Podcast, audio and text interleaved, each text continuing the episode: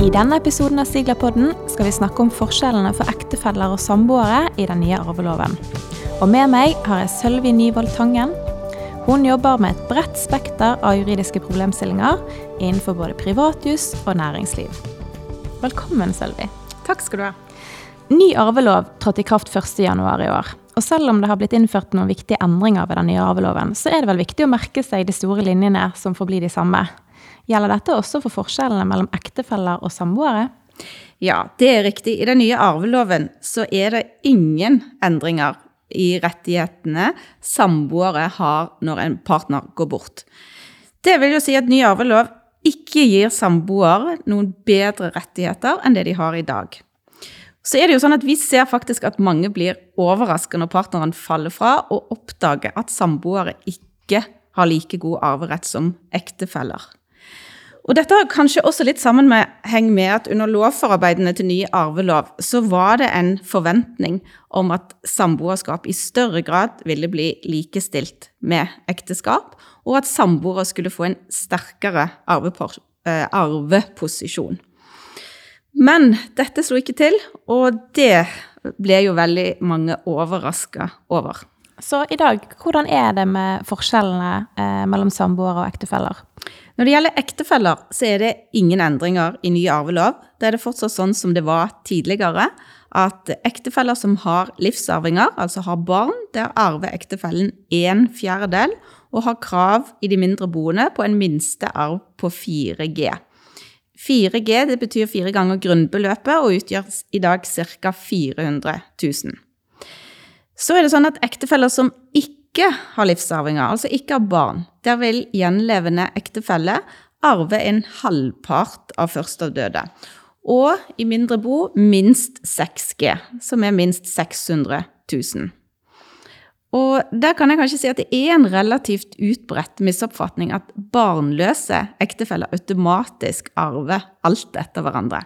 Kommer litt inn på det senere, men det har også en betydning i forhold til å opprette testament for ektefeller som ikke har barn. Men når det gjelder samboere som er uten felles barn, så arver de ingenting. Heller ikke i den nye arveloven. Så her er det heller ingen forskjell, og det er kanskje dette som er litt spesielt.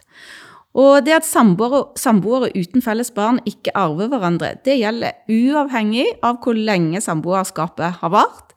Altså selv om du har vært samboer i 50 år, så er, arver de ingenting etter hverandre. Og det er det dessverre mange som ikke er klar over.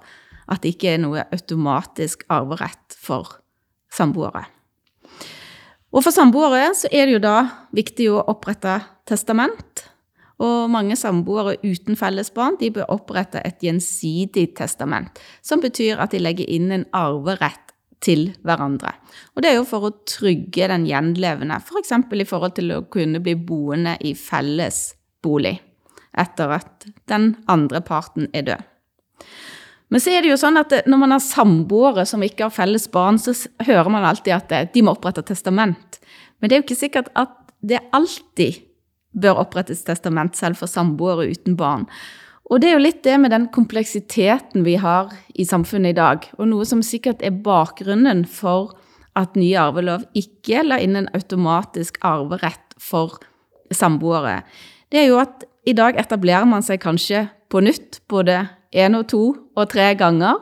Og det betyr jo at godt voksne personer med god økonomi og kanskje har begge har barn fra før av, har særkullsbarn, de kan bli samboere i godt voksen alder. Og da er det jo ikke sikkert at de ønsker at de skal arve hverandre. Fordi at begge har en god økonomi, og de tenker kanskje at det er mer naturlig at våre barn, våre respektive barn, arver det. Det kan være barn som er studenter eller i etableringsfasen, og tenker at det er naturlig at de får arven, og ikke gjenlevende samboer som har en god økonomi. Så det er jo litt av bakgrunnen også for at ny arvelov har fortsatt dette skillet mellom samboere og ektefelle når det gjelder arv. Så har den nye arveloven også et skille med samboere som har, har hatt eller venter barn.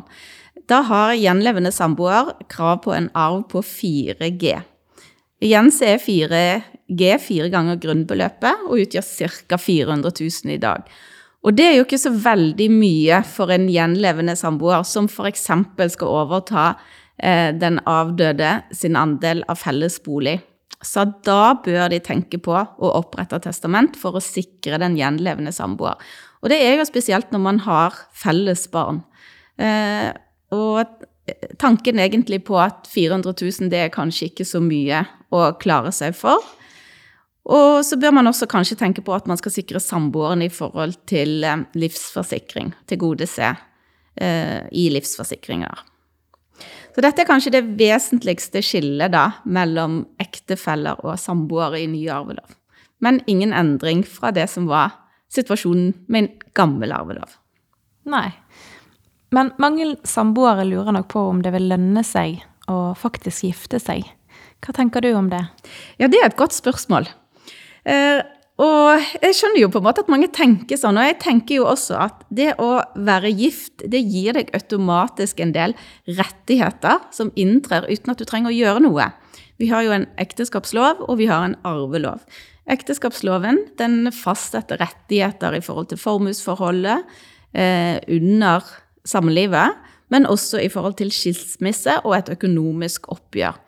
Og arveloven den gir rettigheter, gir arveposisjoner, når den ene ektefellen dør. Disse rettighetene har ikke samboere. Men samboere kan oppnå mange av de samme rettighetene, som, eller kan oppnå de samme rettighetene som ektefeller i hovedsak. Men det krever jo en aktiv handling, og at de aktivt innretter seg. Både med å opprette for samboere, med å opprette samboeravtale, sånn at de eh, kan statuere hvem som skal eie hva, hva som skal skje med eierdelene over tid. Eh, kanskje i forhold til om den ene parten skal prioritere å være hjemme en periode, hvordan skal vi regulere det? Og ikke minst i forhold til å opprette et testament i forhold til hva som skal skje med verdiene etter at den ene går bort. Og for samboere så er det aktu veldig aktuelt å vurdere gjensidige testamenter, som betyr å tilgodese hverandre. Og så er det jo også sånn at livsforsikringer, som jeg var inne på, er viktig for samboere. Eh, ja. Også for samboere uten eh, felles barn, så er det jo da viktig å være oppmerksom på, sånn som jeg var inne på, at de har ingen arverett etter hverandre. Så der er jo testament helt nødvendig for å få en arverett. Og for eh, samboere med felles barn så arver de 4G. Og hvis de vil ha noe mer, så må det fastsettes i i testament. Så det betyr jo at det å gifte deg, det betyr egentlig at du automatisk får en del eh, rettigheter, både etter ekteskapsloven og etter arveloven. Det kan på en måte si at det gjør det litt enklere. Eh, fordi det er ikke bare det at du må skrive testament eller skrive samboeravtale som samboer, men du må også gjøre deg kjent med regelverket for å kunne gjøre denne aktive handlingen. Og da kan det jo ofte være nødvendig å søke råd, f.eks. hos advokat, eh, som kan rettlede deg. For sånn som jeg var inne på, så er det ikke i alle tilfeller det er gunstig eller nødvendig å opprette et testament. F.eks. med det godt voksne ekteparet som kanskje ikke ønsker en annen ordning. Og mange, Vi mottar, jo en del henvendelser fra samboere som lurer på dette med uskifte bo. Eh, har samboere rett til å sitte i uskiftet bo? Eller hva, altså, kan du si litt om hva det betyr, det å sitte i uskiftet bo? Mm. Altså, uskifte, det betyr jo egentlig at man utsetter skiftet. Det innebærer at den lengstlevende den blir sittende og råde over formuen til førsteavdøde. Enten helt eller delvis. Og da kan den lengstlevende bruke og forbruke det boets midler. Men det er noen grenser da, for det som arveloven oppstiller. Og denne her retten til uskifte det har jo veldig stor betydning i forhold til å sikre den lengstlevende en økonomisk mulighet til å bli sittende med felles bolig. Det vil jo alltid være avhengig av hvor stor formue partene har, men i en vanlig eh, partnerskap så er det først og fremst det med muligheten til å sitte med felles bolig som er viktig i forhold til uskifte. Når det gjelder samboere uten felles barn, så er det ikke rett til å sitte i uskifte. Ingen rett til å sitte i uskifte. Og når det gjelder samboere med felles barn, så har de en begrensa rett til uskifte. Da sier arveloven at de har lov å sitte i uskifte bo med felles bolig, innbo, bil og fritidseiendom. Så må de da skifte resten av verdiene. Eh, men det betinger også at når de overtar eh, i sitt uskifte med felles bolig, så må de også ta over felles gjeld. Så det kan være litt sånn vanskelige problemstillinger der, og der kan man jo også ofte anbefale at de fastsetter i testament at samboere med felles barn får lov å sitte i uskifte med alle verdier. Men det får de ikke uten at det er fastsatt i testament. Og når det gjelder ektefeller, så er jo det en helt annen eh, På samme måte som det var med, ny, nei, med gammel arvelov, så er det i ny arvelov sånn at det, ja, alle som har eh, ektefeller som har felles barn, har en ubetinga rett til å sitte i uskifta bo. Men det er alltid noen menn, eh, også for ektefeller. Dersom ektefellene har særeie, så har jeg utgangspunktet at man ikke kan sitte i uskifte med særeie midler, med mindre partene har skrevet en ekte pakt der de har krysset av for at man kan sitte i uskifte med, også med særeie midler, eller dersom man får samtykke fra arvingene. Og så er det jo i dagens samfunn, der man veldig ofte også har eh, særkullsbarn, så er det veldig problematisk med dette med uskifte. Fordi at uskifte med særkullsbarn det krever at særkullsbarna samtykker til uskifte. Og det kan være en litt vanskelig vurdering å ta både for, eh, for de arvingene om de skal samtykke. Man kan få et samtykke på forhånd. Eh, og det da samtykker de jo egentlig til å skyve ut sin arv i tid, og der de mister litt kontrollen over hvor mye arv de får. Eh, men så har det også betydning i forhold til en del rettigheter som bortfaller ved uskifte, f.eks. retten til skjevdeling, som kan slå gunstig eller ugunstig ut. Sånn at også det med i forhold til å sitte om særkullsbarn bør samtykke eh, til at den gjenlevende skal få sitte i uskifte, bør være en, en vurdering som de kanskje søker råd for å få vurdert om de bør si ja eller nei. For det kan være en litt sånn kompleks problemstilling. Har det skjedd noen endringer her i den nye arveloven? Eh, altså noe som er helt nytt i den eh, nye arveloven. Én ting er jo at eh, både ektefeller og samboere de får rett til en vederlagsfri bruk av eiendeler som først av døde eide fullt ut, eller som partene eide sammen. Og denne retten gjelder i ett år etter dødsfallet. Og dette er altså en rettighet som er helt lik både for ektefeller og samboer. Og det jo, viser jo at den nye arveloven har gitt gjenlevende samboer og ektefelle et litt bedre vern. Rett og slett fordi at eh, skifte av dødsbo ofte tar lang tid. Eh, og det at eh, kompliserer det jo ofte når de fremsetter krav både om at de ikke får bruke det, at det skal omsettes med en gang. Her har man gitt de en områdingstid egentlig på et år. Og det er jo veldig bra. Eh, så kan man jo kanskje tenke som Ja, hva er liksom oppsummeringen her? Hva er forskjellen mellom ektefeller og samboer i ny arvelov? Og Da kan jeg kanskje si det at oppsummeringen er at det stort sett fortsetter som før. Samboere har eh, ingen arverett etter hverandre. Og så kan jeg kanskje si det at arveloven det er en lov som passer veldig godt for A4-familien. Altså hvor et par er gift og har felles barn. Men det er jo ikke sånn i dagens samfunn at alle passer inn i den rammen.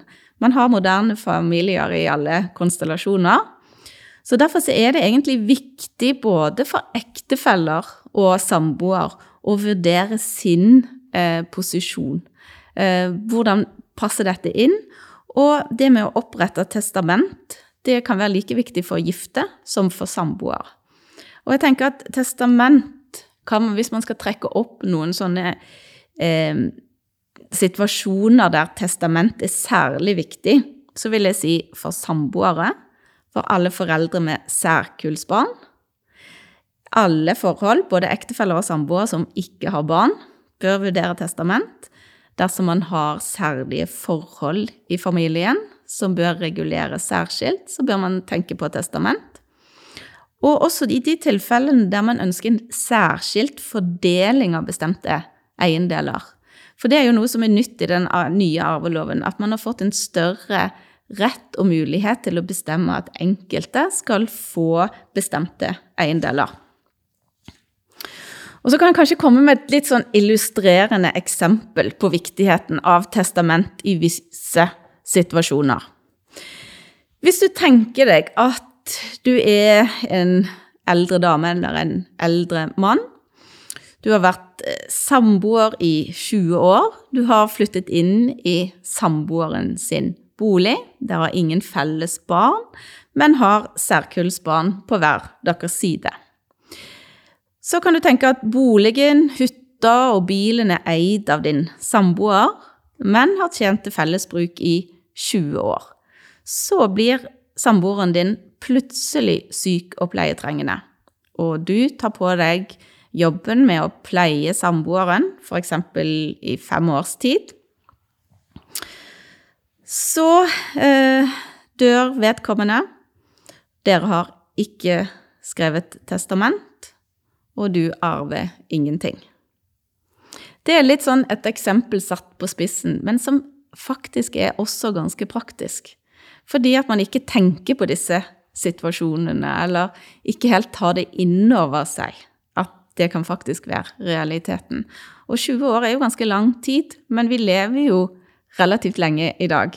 Og vi er friske og oppegående veldig lenge, så det er ikke uvanlig at man et, inngår et nytt samboerskap i godt voksen alder og kan få 20 år sammen. Så jeg tenker det er viktig å tenke gjennom våre rettigheter og posisjoner, både etter ekteskapslov og arvelov, og at man eh, seriøst vurdere om man har behov for testament. Ja, det er altså store forskjeller fortsatt mellom eh, samboere og ektefeller i den nye arveloven. Og den klare oppfordringen må jo da altså være at det kan lønne seg å skrive testament både for samboere og ektefeller. Takk til deg, Sølvi, og til deg som lytter. Tusen takk for at du hørte på Stiglerpodden. Er du interessert i mer informasjon, eller ønsker du å motta våre nyhetsartikler? Ta gjerne kontakt med oss, eller meld deg på vårt nyhetsbrev. Dette gjør du ved å klikke deg inn på våre hjemmesider stigla.no. Der finner du påmeldingsskjema nederst på siden. Klikk deg inn på stigla.no og ta kontakt med oss.